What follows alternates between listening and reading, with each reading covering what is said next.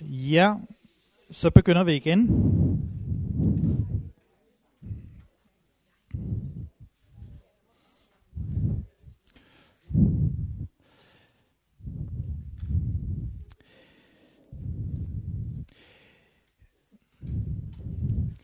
Uh, vi har nu mulighed for at vende bladet, så at sige, uh, og tage det, der står på, på bagsiden. Øh, jeg vil godt sige lidt om, hvordan øh, sorg og, og livshistorie hører sammen. Øh, der er jo rigtig mange mennesker, øh, for ikke sige alle, kender til, hvordan livet volder både glæde og sorg. Det er ligesom ikke til at slippe af med den sorg, øh, som for eksempel kærligheden udgør. Sorg og livshistorie kan ikke adskilles. Det du kommer med har sin egen historie. Vi har alle været på, på vandringer et eller andet sted, også ude i sovens landskab. Men disse vandringer kan have vidt forskellige baggrunde, og de kan også gå i lidt forskellige retninger. Så man har lidt som forskellige erfaringer med sig. Øh, sorgen har farvet vores liv på forskellige måder. Øh, du ved jo selv, du kender selv til, hvilke øh, relationer og eller tab du er farvet af. Øh, ikke alt er, er helt så enkelt måske at forme ord til, øh, selvom vi er inde i et bekendt landskab. Der er jo et gammelt latinsk ordsprog, der siger, at små sover har ord, de store er stumme. Øh, små sorger har ord, de store er stumme. Øh, og jeg tænker faktisk, at I kan stadig nå at komme for sent. Nej. Jeg tænker, at vi er flere her. Jeg kender dem, undskyld. Øh, ja. Ja. Desværre ikke for noget godt, men... Øh,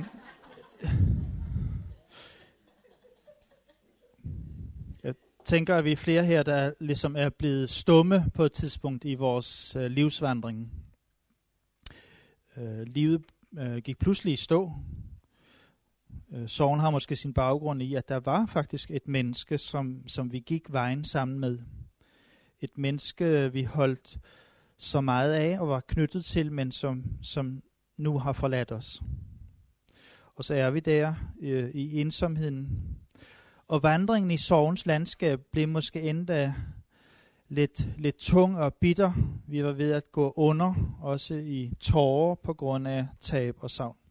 Jeg kan godt sige en del om det der med tårer. Faktisk er tårer noget, der hører med til at være menneske. Jeg vil godt øh, komme med et kæmpe forsvar for, at man også kan bruge tårer og skal give det plads. Det er ikke alle steder i Jylland, man rigtig har fundet ud af det. Nå, det var ind til mændene.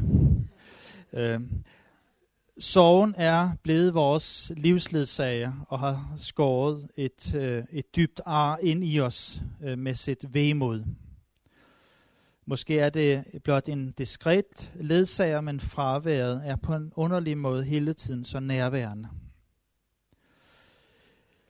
Jeg oplever nok øh, de steder situationer mest berigende og livgivende, hvor man øh, så at sige også kan tale om døden og sorgen. Ja, hvor man så at sige kan dele også de svære ting. Øh, også den svære kunst at dø og kunsten at leve med hinanden. Det kan godt være svært at nå til, øh, til det der livgivende sted, fordi vi måske er uafklaret omkring vores egen øh, memento mori men den personlige side af sorgen, den skal vi prøve, den skal vi forsøge at dele med andre. Den personlige side af sorgen skal vi prøve at dele med andre. Men det er også klart, at de private rum, dem går vi ind i hver for sig. Men når sorgen rammer allerdybest, så kan man ikke længere skelne mellem det personlige og det private. Ikke sandt? Så kan man havne i præcis i den der meget hudløse situation, hvor der ikke længere er et skille hvor netop huden er væk. Øh, der er en stærk hudløshed, som, som man godt kan forholde sig til, men, men det er underligt med andre typer hudløshed, øh, hvor, hvor det måske bare er noget mærkeligt, øh, vanskeligt noget at, at, at røre ved. Øh, der kan opstå de der hudløse øjeblikke, øh, øjeblikke, hvor vi er alene med vores egen smerte, og samtidig helt prisgivet de andre. Og der er ligesom ikke noget skille længere. Vi kan alle have brug for et menneske at tale med om det, der volder os glæder og sorg, når vi mødes der i samtalen og, og lytter til hinanden. Øh, så er det værdifuldt at minde om det, som øh, øh Lutte nævnte sidste gang, at øh, som Benny Andersen har skrevet, en klagesang er til for at høres og ikke en stil, der skal rettes. Hvad handler det om? Jo, det handler om, at en livshistorie, den skal høres, og den skal forstås, og den skal ikke kritiseres og korrigeres. Øh, det fik vi understreget fint sidste gang. Øh, hun var også inde på det her med, at man skal behandle en sørgende med respekt, og ikke træde ind i de private rum, uden så at sige at være inviteret. Som sørgende ønsker jeg at blive mødt med den her respekt, men samtidig så er det faktisk indimellem godt at blive spurgt. Det er godt at få anledning til at fortælle sin historie på, på også på opfordring fra andre. Men det er ikke altid, man er i stand til det. Men hvert enkelt menneske har altså sin egen historie og oplever sorgen forskellige, og når døden kommer tæt på, jamen, så kommer sorgen til udtryk på helt sin egen måde. Øh, den, der skal dø, sørger, hørte vi om sidste gang. Den, der står ved siden af, sørger. Ikke sandt? Hørte vi også om sidste gang. Ægtefælden, børnene, familien, vennerne, som står ved siden af, før, under og efter. Ja, de sørger, fordi man skal vende sig til den nye situation. Sorg er nedstemthed. Øh, sådan vil jeg definere det. Sorg er en særlig nedstemthed ved adskillelse og tab. Og et hvert væsentligt tab starter ligesom en sorgproces. Og der hørte vi også om sidst, hvordan det også er en helingsproces. Sorgarbejde er sådan et en helingsarbejde. Sorgens opgave er blandt andet at bearbejde det tab, man har oplevet. Øh, og de tab, man udsættes for, betyder, at man må forholde sig. Man må forholde sig til sine gamle tilknytninger på en ny måde. Følelsen af sorg gør os i stand til at tage afsked. Øh, og sorg er ikke et problem, der skal løses, men et liv, der skal leves. Det her det er en sammenfatning af noget af det, som Luther var inde på sidste gang. Nu har jeg lyst til at komme med en lidt mere personlig note. En personlig note. Øh, jeg kan sige, at jeg især for min egen del finder livskraft i sorgen og livsmod også i sorgens smerte, når jeg har samtale med et menneske, som også kan, ligesom kan rumme mig og mit. Øh, og hjælpe til at få livskræfterne frem midt i sorgen og få dem til at spire. Øh, på den måde så kan sorgens smerte føre, ja, føre til en slags helbredelse. Men sorgen er der jo stadig som et livsvilkår. Ikke sandt? Sorgen har jo ikke nogen udløbsdato skrevet på sig, sådan som vi kender det fra varerne og i Føtex eller et andet sted. Der er ikke nogen udløbsdato. Sorgen er ligesom det der, den der livsledsager, der er med hele vejen. Et livsvilkår. Jeg oplever, at min egen nedstemthed, mit vemod, kaster et klarsyn af sig men hvad er det for et blik? Hvad er det for et syn? Øh, Elie Wiesel har formuleret det meget fint. For hans del er det faktisk desværre så på en meget øh, alvorlig baggrund, nemlig på grund af tabet af hans jødiske slægtsfælder under 2. verdenskrig, som han jo har arbejdet med at kæmpe med øh, siden, indtil han døde her for to-tre år siden. Han udtrykker det sted sådan på den her måde. Ingen er så god til at være taknemmelig som en, der er kommet ud af nattens rige. Ingen er så god til at være taknemmelig som en, der er kommet ud af nattens rige. Nu kan vi definere nattens rige på mange måder i, i vores liv. Jeg har mødt en del, som har fået øh, indsigt øh, og fået dele i en taknemmelighed, fordi de havde oplevet svære ting men at lave beskrivelser, klare beskrivelser om, at sådan og sådan er det, og gøre det på andres vegne, det er ikke altid så enkelt. Men de forklarer det sådan, at de er ikke længere de samme. Ingen er så god til at være taknemmelig som en, der er kommet ud af nattens rige. Så nedstemtheden og smerten eller vemodet kan give os del i et klarsyn, hvor vi ser noget af er virkelighedens manglende evne til at give en dybere og vedvarende tilfredsstillelse. Vores længsler, vores længsler overføres til de mål, vi sætter os i livet, men virkeliggørelsen af målene er ikke i stand til at bære trykket af vores forventninger. Man kan udtrykke det på, sådan, på den her måde. Vi havde det, så længe vi ikke havde det, men mistede det, da vi fik det. Det er det, der karakteriserer vemod og melankolien, den her nedstemthed, den her tristhed, mærkelige, ubestemmelige størrelse i mange menneskers liv. Man siger, at cirka en femtedel også af Danmarks befolkning, eller vestens befolkning, er præget af det her vemod. Jeg synes, man taler alt for lidt om det. Øh, noget helt afgørende blev borte, da det vi længtes efter blev til virkelighed, da det blev realiseret. Realisering efterlader en tomhed, øh, som ikke var der før. Vi oplever en slags tomhedens nærvær. Vi kan sætte det på en anden, øh, lidt mere poetisk formel ved at sige, nærmest er du, når du er borte. Noget bliver borte, når du er nær. Har man det sådan, så lever man konstant med en sorg og en smerte. Jeg ved ikke, om der er nogen her i forsamlingen, der tør vedgå, at de kender godt til noget af det her. Det er meget sjældent, man, man møder nogen, som sådan åbent vedstår, at det er sådan, det er inde, dybt inde i ens liv. At man kan leve adskilt, man kan leve med distance til mennesker.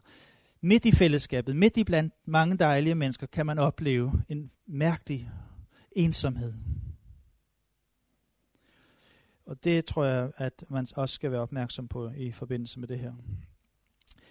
Så jeg vil sige det sådan, at tomhedsfølelsen undrer sig en enkelt forklaring. Men glæden rummer et fravær, der ligesom griber følelserne, men som hverken tanken eller sproget helt magter at gribe.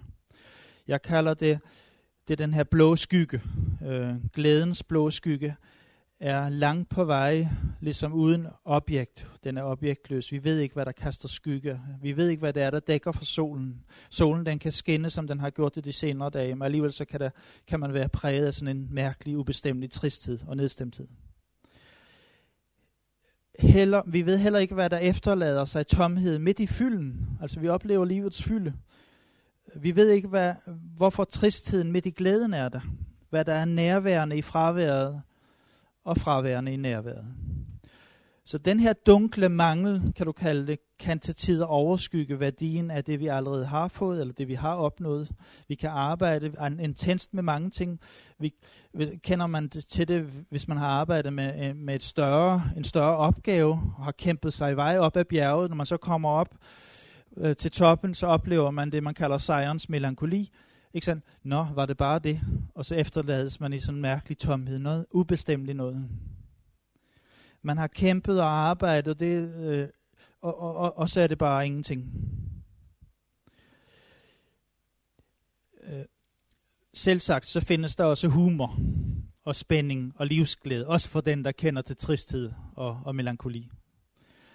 Øh, så I må ikke forstå det sådan, at, at, øh, at det slet ikke er til stede. Øh, ikke noget menneske er så sikker, siger Robert Burton i 1621. Så skriver han om melankoliens væsen. Han siger, ikke noget menneske er så sikker, lykkelig, tålmodig, generøs, gudfrygtig eller afbalanceret, øh, at han eller hun ikke fra tid til anden føler et strejf af melankoliens svige. Jeg synes, det er et fantastisk udtryk. Melankoliens svige. Så nedstemtheden er også en kilde til uro, til tristhed og måske fortvivlelse. Men samtidig så kan den ses som en gave. Den hindrer mennesket i at blive en ubevægelig stenstøtte. Der er stivnet og blevet, blevet sig selv nok. Mennesket er urolig i bevægelse mod noget, som det ikke kender. Og det er det, som mange kunstnere er præget af.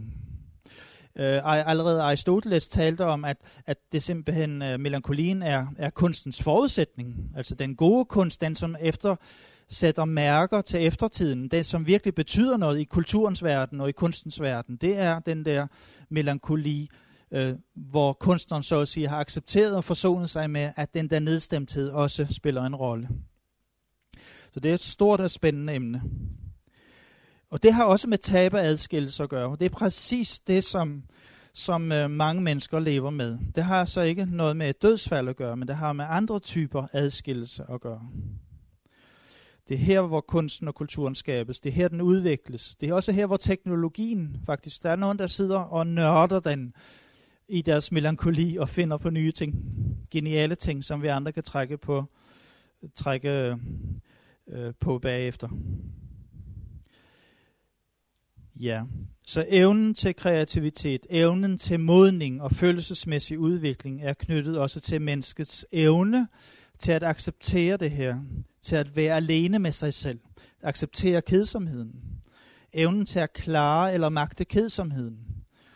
Øh, der er rigtig mange øh, lærere i, i dag, at, at når de oplever, at eleverne de keder sig, øh, så, så, så står det ligesom på hovedet for at ændre den situation. Og så, og så giver de den medicin, som faktisk bare bekræfter, eller som gør problemet endnu større. Uden evnen til at udholde sig selv og sit eget selskab, så modnes og vokser man ikke som menneske. Det er derfor vigtigt at tage vare på det rum, som alle mennesker har i deres indre.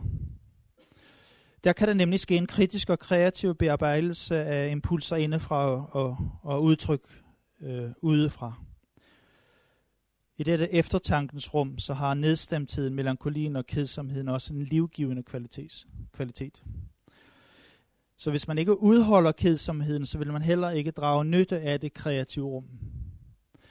Kan man ikke stoppe op, så sker der det, at kedsomheden, som man flygter fra, kun øges i omfang. Man bliver selv et kedeligt og overfladisk, utaknemmeligt menneske, siger Søren Kierkegaard et sted. Altså som hele tiden forlanger at blive underholdt. Øh, som hele tiden søger adspredelse.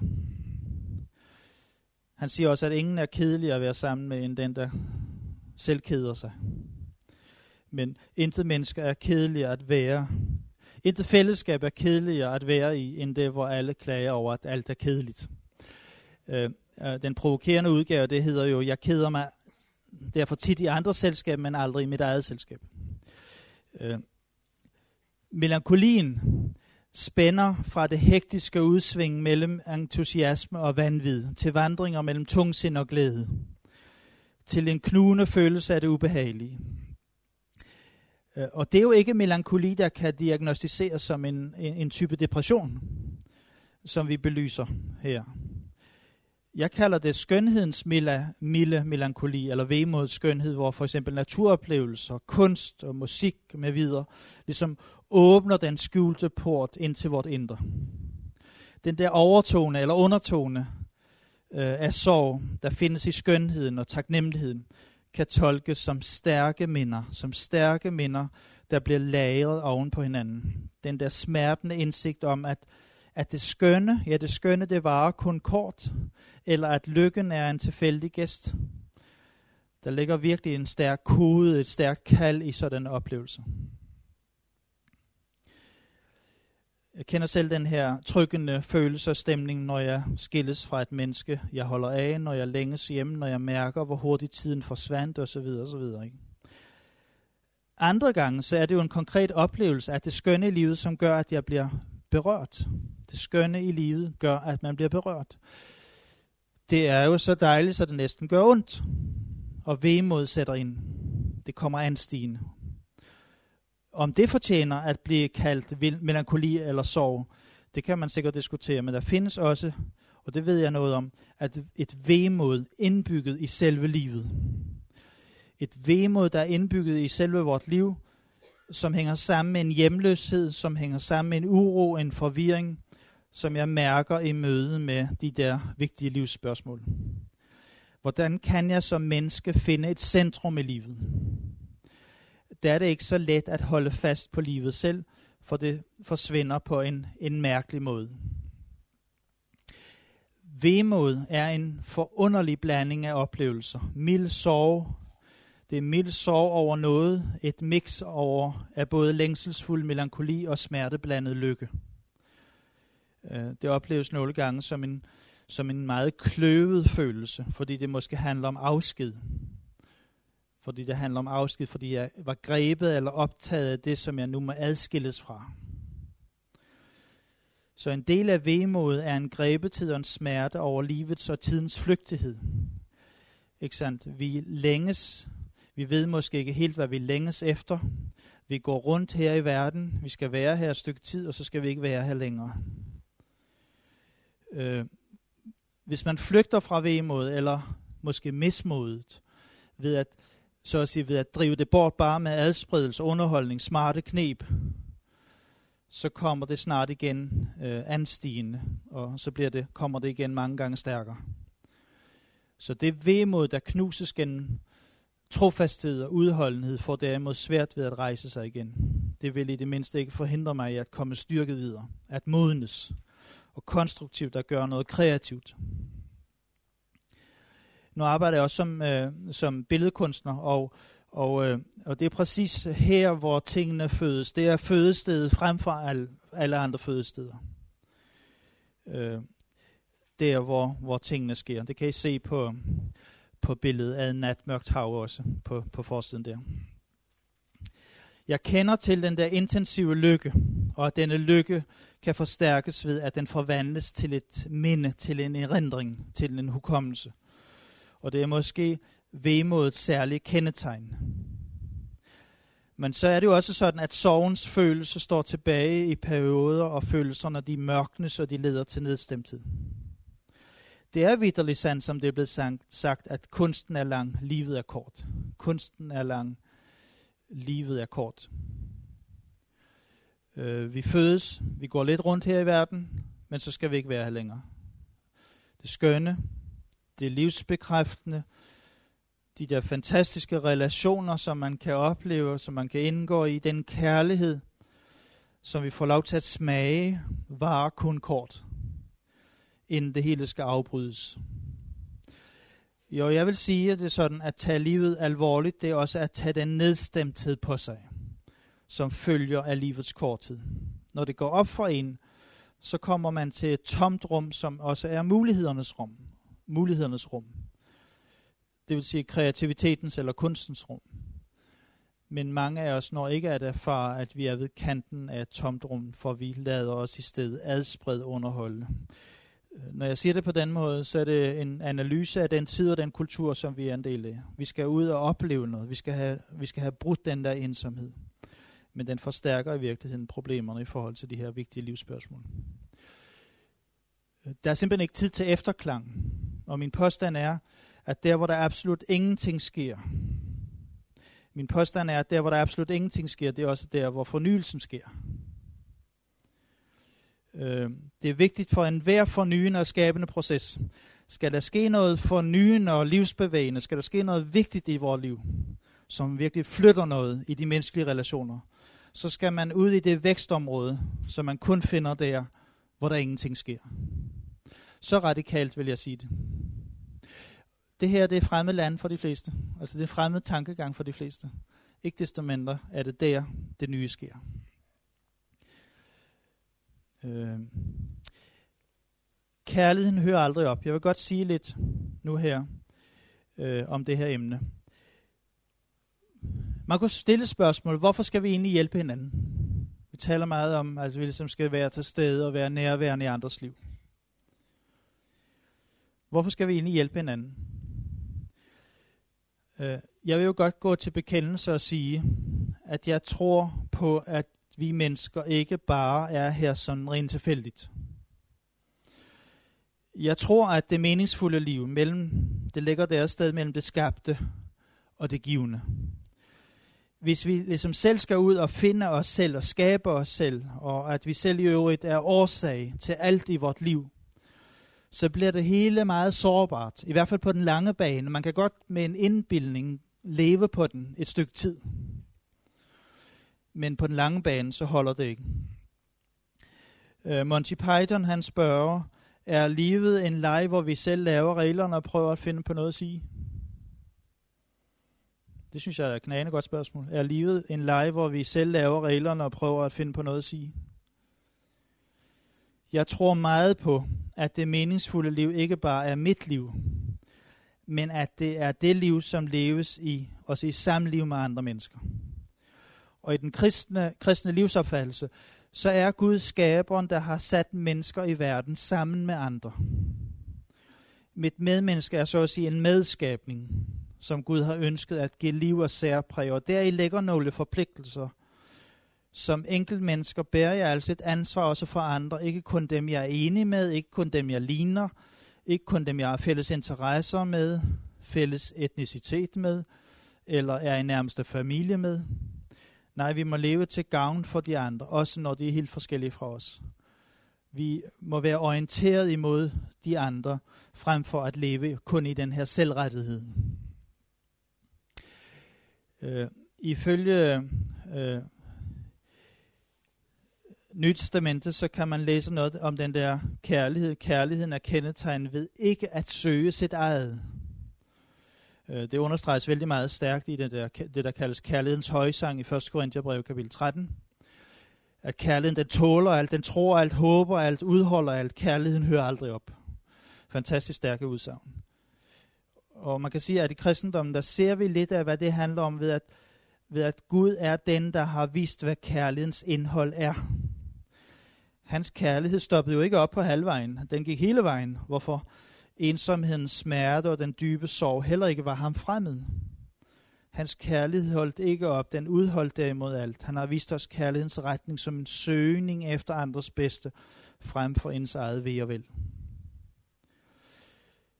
Det er derfor godt at give, det er altid godt at give og spørge, også ud fra det her perspektiv.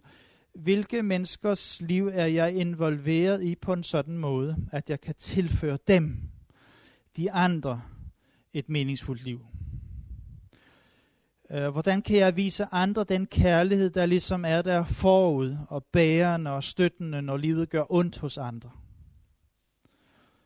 Det er jo ikke altid enkelt, men alligevel er det en vigtig og livgivende opgave, som, som vi hver især så at sige kan gå ind i. Hvilke menneskers liv er jeg involveret i på en sådan måde, at jeg kan tilføre dem, de andre, et meningsfuldt liv? Hvis man lever så at sige med det spørgsmål og med den dagsorden, så tror jeg, man lever et, ja, et lidenskabeligt liv.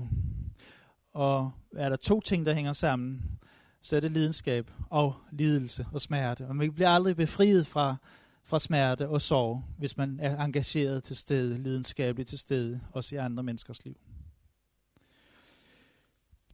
Når det så gælder håbet og, og, og, og opstandelsen, så er teologien i dag ofte præget af en ganske stor forlegenhed. Øh, og vi må ikke underkende betydningen af en almindelig, konkret livshjælp, øh, god omsorg i, i relationerne. Og rigtig meget i en relation til døden kan forekomme ganske abstrakt, ikke sandt? Men vi må tro på, at kærligheden ikke hører op. Øh, sådan vil jeg jo sige det som kristen teolog også. Øh, Guds kærlighed hører ikke op. Vi skal turde sige noget om opstandelsen og det evige liv. Øh, den store Aarhus teolog, en af de store dogmatikeren, Regin Pranter, han skriver i sin dogmatik, at opstandelse betyder menneskelivets fulde oprejsning. Ikke som en ophøjelse til en overnaturlig, overmenneskelig tilværelsesform, øh, men som hele mennesker, så opstår vi i et sjæleligt, lægemligt, ikke kun som et sjæle, der forlader den materielle krop. Så det er jo vældig svært at forholde sig til det her, i dag i hvert fald. Mennesker er vi, ja, men der er befriet fra alle de mærker, som, som synden og sygdommen sætter på os her i livet.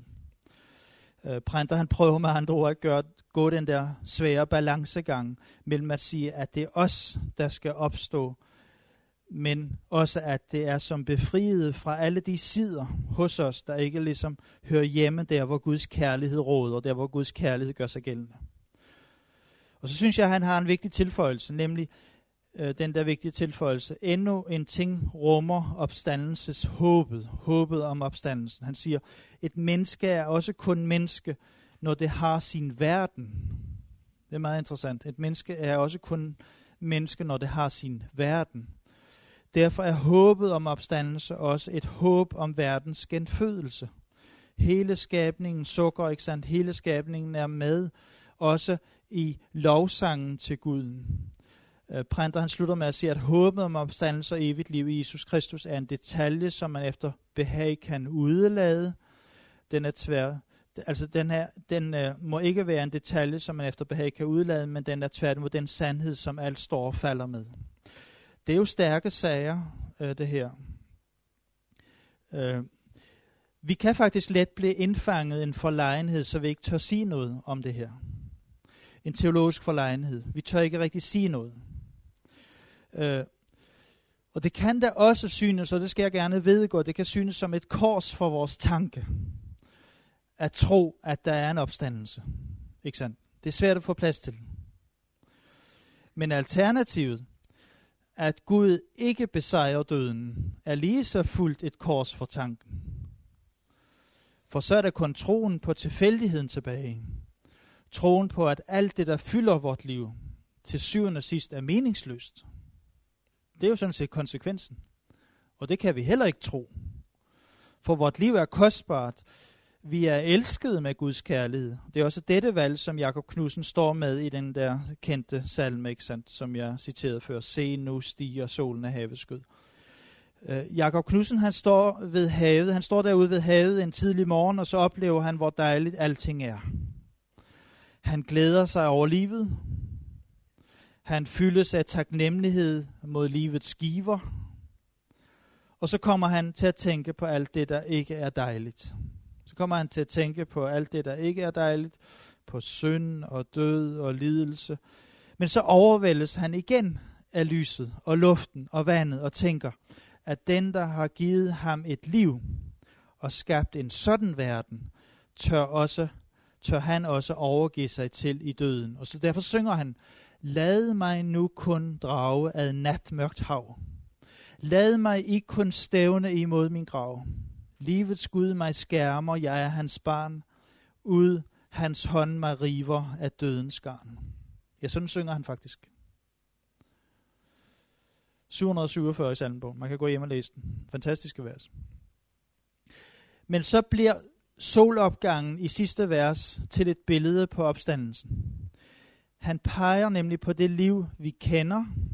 Han kender, peger på det liv, vi kender, og så siger han, få dog øjnene og sindet op for underne i dagligdagen. Prøv at få øjnene op for underne i dagligdagen. Den dagligdag, som du alt for let kommer til at tage som en triviel selvfølge. Bemærk, bemærk dem, og hør så om dødens overvindelse. Se, for så vidt er de jo ikke langt fra, fra evangeliets ord. Se himlens fugle. Læg mærke til markens liljer. Hvad er det, der siges? At du som menneske skal være et levende, vågent menneske, der ser, der lytter, sanser, føler og lægger mærke til. At du lever opmærksomt, det er kunsten at leve. Det er kunsten at leve. Ars vivendi. Netop som den dødstømte i Dostojevskis roman Idioten. Ikke sandt? Ja, Jesus selv kunne sige, det er kunsten at dø. Og så nogle øh, slutord her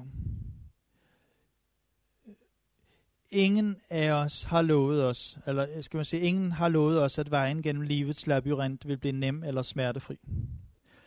Vi oplever smerten så forskelligt.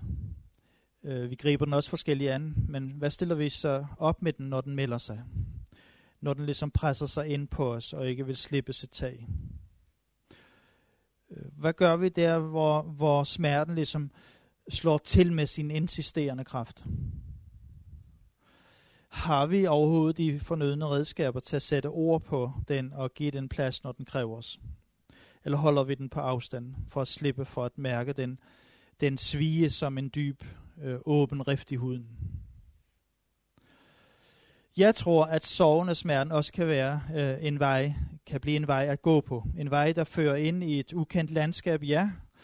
Af tilværelsens afkrog, hvor vi måske nødigt kommer, hvor vi måske nødigt dukker op og så er spørgsmålet, tør vi, når vi skal, når vi ikke kan andet? Tør vi at lade smerten lede os af nye stier og veje ud i det ukendte?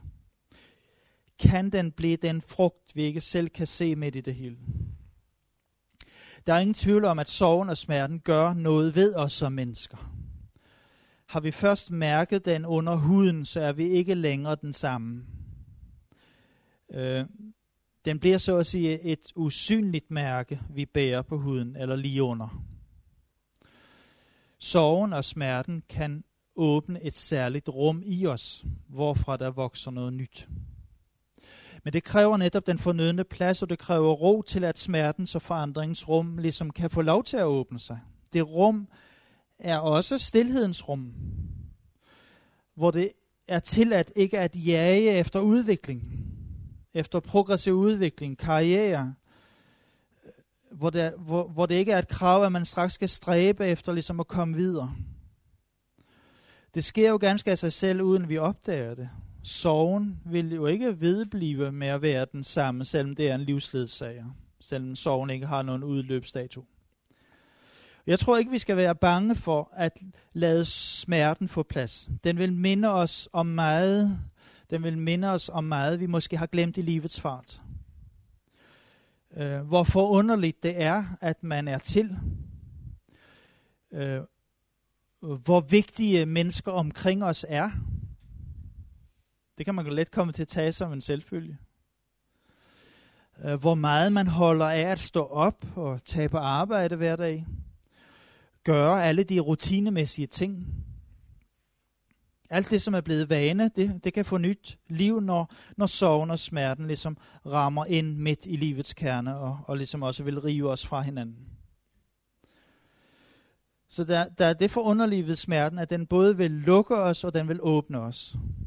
Lukke ned for det, som nu bliver uvæsentligt i livet. Når alt ligesom er sat på spidsen, og værdierne vendt om. Venner, som udeblev, da der var brug for støtte, hjælp og opmundring. Det er der nogen, der har den erfaring. At de blev væk. Ingen turde sige noget. Ingen turde spørge os om noget. Familie, som ikke kunne være der i den nye situation, og de forandringer, som nu præger livet, vælges fra. Men så dukker der også nye og uventede relationer op.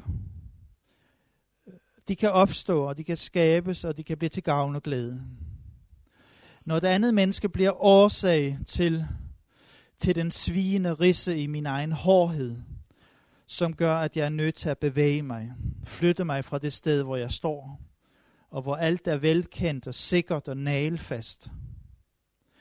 Når min ellers så sikre mur revner og efterlader en sprække, som ikke lukker sig igen og intet længere er det samme. Se, smertens vej, det er kærlighedens vej. Det er et liv, hvor man efter en stærk oplevelse går vågen, nærværende og opmærksomt ind til møde med livet. Fordi man ikke længere er den samme. Der er mange, der siger efterfølgende, at de ikke ville have været den her smertefulde oplevelse foruden. Livet blev på en måde bedre af det. Det ydre og det indre, det følges jo ad på en mærkelig måde i, i livet. Når en indre forandring sker, så fører den næsten automatisk også en ydre forandring med sig. Smertens vej, det er også en vej frem mod erkendelse, at blive seende. At blive seende. Det er, at et menneske bliver seende og lærer at se sig selv og omverdenen i et nyt og anderledes lys. Det kan gøre ondt. Det kan ofte gøre meget ondt. Det kræver også mod. Men hvorfor opfatter vi altid lidelsen og smerten ved livet som noget dårligt, som noget ubehageligt? Noget, som skal holdes på afstand og kvæles i sin begyndelse. Sådan er der nogle mennesker, der har det. Lad os dog få kvalt af smerten og sorgen i dets begyndelse. Smerten må frem for alt ikke få nogen magt. Tage kontrollen over os, for så, for så smuldrer vores forestilling om at have styr på livet. Ikke sandt? Sådan er der nogen, der har det jeg vil gerne spørge her i aften, hvor meget styr skal man egentlig have på livet? Hvor meget styr skal man egentlig have på livet? For i livtag med skyggesiderne lader vi ikke bare mørket råde som en magt i os selv, i sig selv. Men her kan vi selv være med, komme ind og udnytte de ressourcer, også den drivkraft, som ligger i at vende blikket ind. Så at sige, gå ind og om på livets bagside. Møde med afgørende og skældsættende nyt og anderledes, det er anderledes, det fører os ud i en krise, hvor, hvor livsgrundlaget bliver usikkert, og grunden under fødderne ryster og skælver. Der kommer en stor revne ind i vores ellers så sikre verden og faste murværk.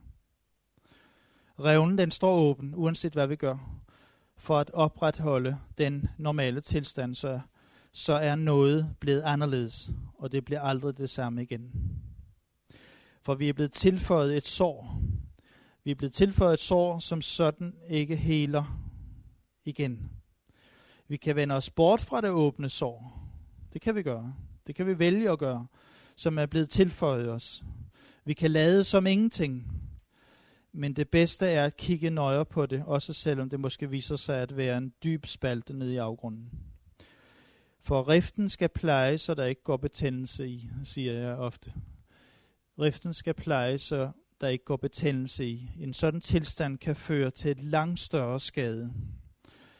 Øh, der kan være der kan være et lys i en sådan krisesituation. Så krise i et menneskes liv fører mange ting med sig. Ikke kun én ting, fører mange ting med sig. Og det er ikke udelukkende noget dårligt, noget, men det er noget skældsættende, som tvinger os til at se vores liv efter i sømmene, se vores liv i et andet lys i et nyt lys.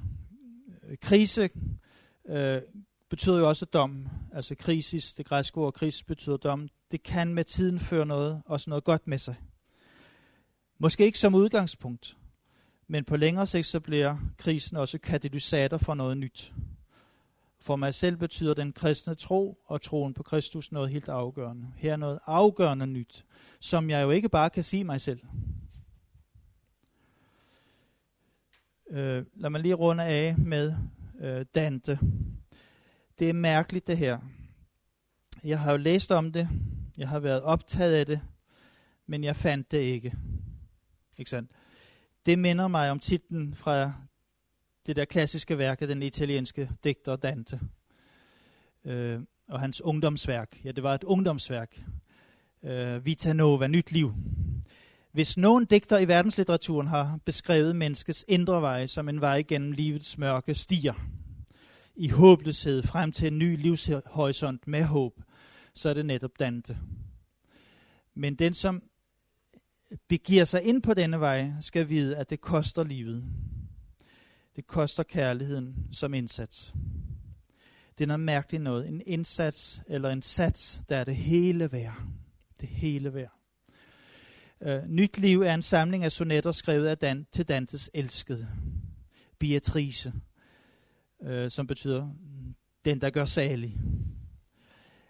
Uh, med hans egne forklaringer og kommentarer til tilblivelsen. Beatrice hun dør fra ham allerede i 1290, kun 24 år gammel. Kun 24 år gammel. Og nyt liv er så at sige beskrivelsen af smertens og sorgens vej hen mod en ny livsindsigt, en ny erkendelse, et nyt livsindhold. Med kærligheden som den gennemgribende ild og ledetråd i hans liv. Øh, et menneskes yderste smerte er møde med døden, både i tankens erkendelse og i konfrontationen med, med virkeligheden. Døden er det endegyldige, det helt afgørende anderledes, det uigenkaldelige, som ikke står til at ændre. Som kristne tror vi, at kærligheden, Guds kærlighed, opstandelseshåben og det evige liv også har en rolle at spille. Ja, er vigtigt. Øh, vi kender Guds kærlighed og omsorg for os på en enestående måde i Kristus. Og det er faktisk det, som, øh, som Dante også beskriver. At, at han er med på de der, på de der smertefulde veje øh, i, i Vita Nova, i hans ungdomsværk. Ja, jeg tror, jeg skal stoppe her.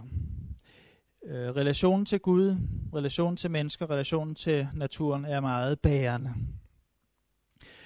Øh, Kirkegård, han øh, fylder 200 år snart. Der udkommer en bog her i næste uge. Øh, Søren længe lever. Jeg har skrevet om om hvor bærende relationer det er i også i kirkegårds øh, tænkning, relationen til Gud, mennesker og naturen. Øh, hvis et menneske skal blive sig selv, og hvis et menneske skal arbejde med de her ting, som også har med, med de svære, tunge sider i livet at gøre, så skal man leve i de her relationer, fordi de er bærende, de er livgivende, de er vitaliserende på en helt fantastisk måde. Og det er også noget af det, som man kan og skal hjælpe andre mennesker med. Ja, jeg stopper her. Så lad os tage lidt øh, samtale. Øh, der er plads til, til lidt få spørgsmål og kommentarer. Skal, er der nogen, der har nogle ting, som øh, de har lyst til?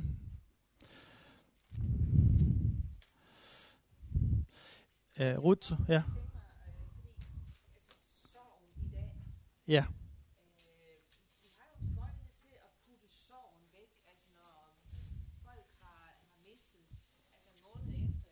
Ja.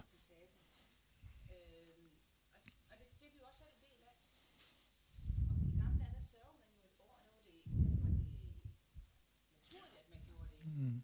Så der er vi vel kommet bort fra ja. sorgen og det at være i sorgen. Jamen, der, øh, Lutte var en lille smule inde på det sidste gang, hvor hun talte om det der med, at man ligesom har gjort op med de der stadieteorien, altså de her stadier, at man går ind, og så går man videre til et nyt stadium i sorgens proces. Øh, hvor man i dag opererer øh, med de her to spor, hvor man svinger i et pendul, så at sige, mellem det ene og det andet, mellem, mellem håb og håbløshed, mellem, mellem øh, accept og protest. Øh, altså, ikke sandt? Hvor, hvor, hvor det, der står nede på bundlinjen, og, og, og som al forskningen viser, det er, at mange mennesker lever med en sorg, også selvom de fra det omgivende samfund, i hvert fald i vores kultur, igen og igen får at vide, nej, nu må du se at komme videre. Ej, nu må du se, øh, altså, der ligger sådan et pres om, at, at, at må man slippe, fordi øh, noget nyt må ligesom melde sig. Men, men jeg vil fastholde den bærende tese i det, jeg har sagt, og det jeg understreger næsten til, hud, til, til bevidstløshed i her i aften, det er, at, at kærligheden gør, at, at, at, at vi sørger. Altså sorgen er kærlighedens dyreste pris. Og det vi elsker, det vil vi ikke miste. Altså vi kan ikke tåle at miste. Og der, dermed er der en binding. Altså det vi holder af, det har vi blik for. Det får ligesom liv, det får eksistens. Og, og løsningen er ikke altid at sige, jamen slip det. Fordi det er en livsledsager. Den er der. Den vandrer med hele vejen. Så er det også klart, at der er forskel på, om det er en måned efter, eller om det er fem år efter, eller om det er 20 år efter. Altså, det er jo også klart, at der sker noget i livets proces. Og at, at, at tab, øh, eller hvad er sorg, altså er, er det her helingsarbejde, og at det der tab, det bearbejder man via, via den sorg. Man, man indrulleres i en proces. Øh, så, så der sker noget med en. Men samtidig så er der også en del mennesker, som lever med den her mærkelige øh, tristhed og nedstemthed over, over, at det hele varer kun kort, og jeg kan godt miste i morgen. Altså det er faktisk, øh, altså vi ved ikke, om vi er her i morgen. Øh, og, og, og, og, og det kan være en meget tung tanke, byrde at gå med, også i forhold til de der gode relationer, man har. Det kan være ens børn, det kan være ens børnebørn, det kan være, altså, ikke sandt? Øh, det er meget underligt øh, faktisk, øh, jeg har ikke været inde på det, men, men den uge, der har øh, gået her, har været, egentlig været meget barsk for os privat øh, i vores lille familie, på grund af et barnebarn, der skulle opereres. Der har virkelig været slemt, helt indtil i eftermiddagen har været, øh, eller eftermiddagen har været særligt slemt i dag. Øh, og det er, øhm, der, der, altså, der, der er blevet fældet mange tårer, fordi man, man går med sådan en frygt over at miste, at kunne komme til at miste. Øh, og det er jo sådan set et, et, et vilkår for en del. Jeg tror ikke, man skal, øh, man skal hæge om sorgen hele tiden på den måde, men man skal anerkende, at vi mennesker vandrer lidt forskellige steder i sorgens landskab, og vi skal tage, tage hinanden mere alvorligt, når, også når vi oplever den der smerte og sorg, end vi tit gør.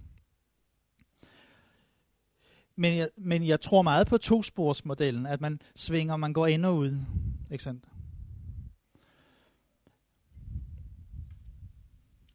Øh, der var, øh, min kone fortalte på et tidspunkt om en dame, som havde gået sammen med en veninde i biografen en uge efter, hun havde mistet sin mand, så var alle omgivelserne, forstod hende slet ikke. Så, jamen sørger du ikke?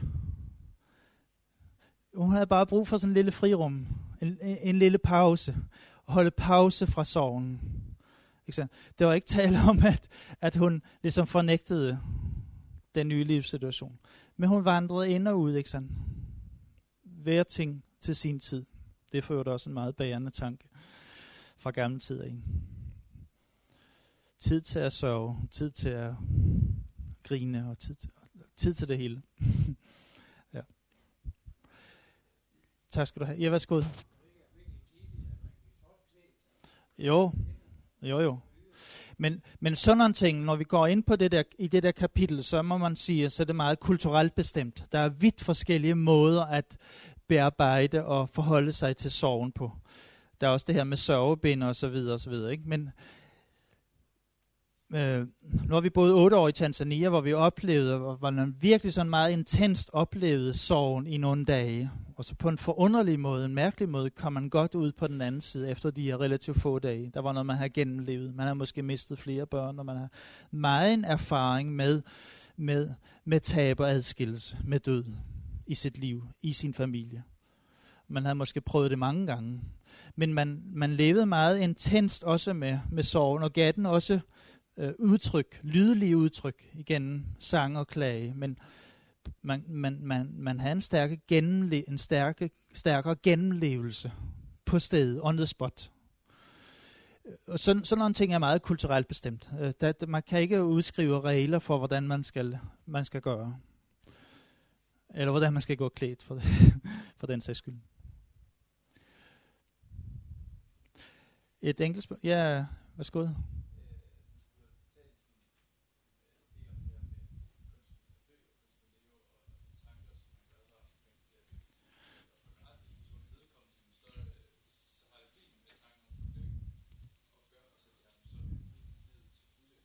Mm.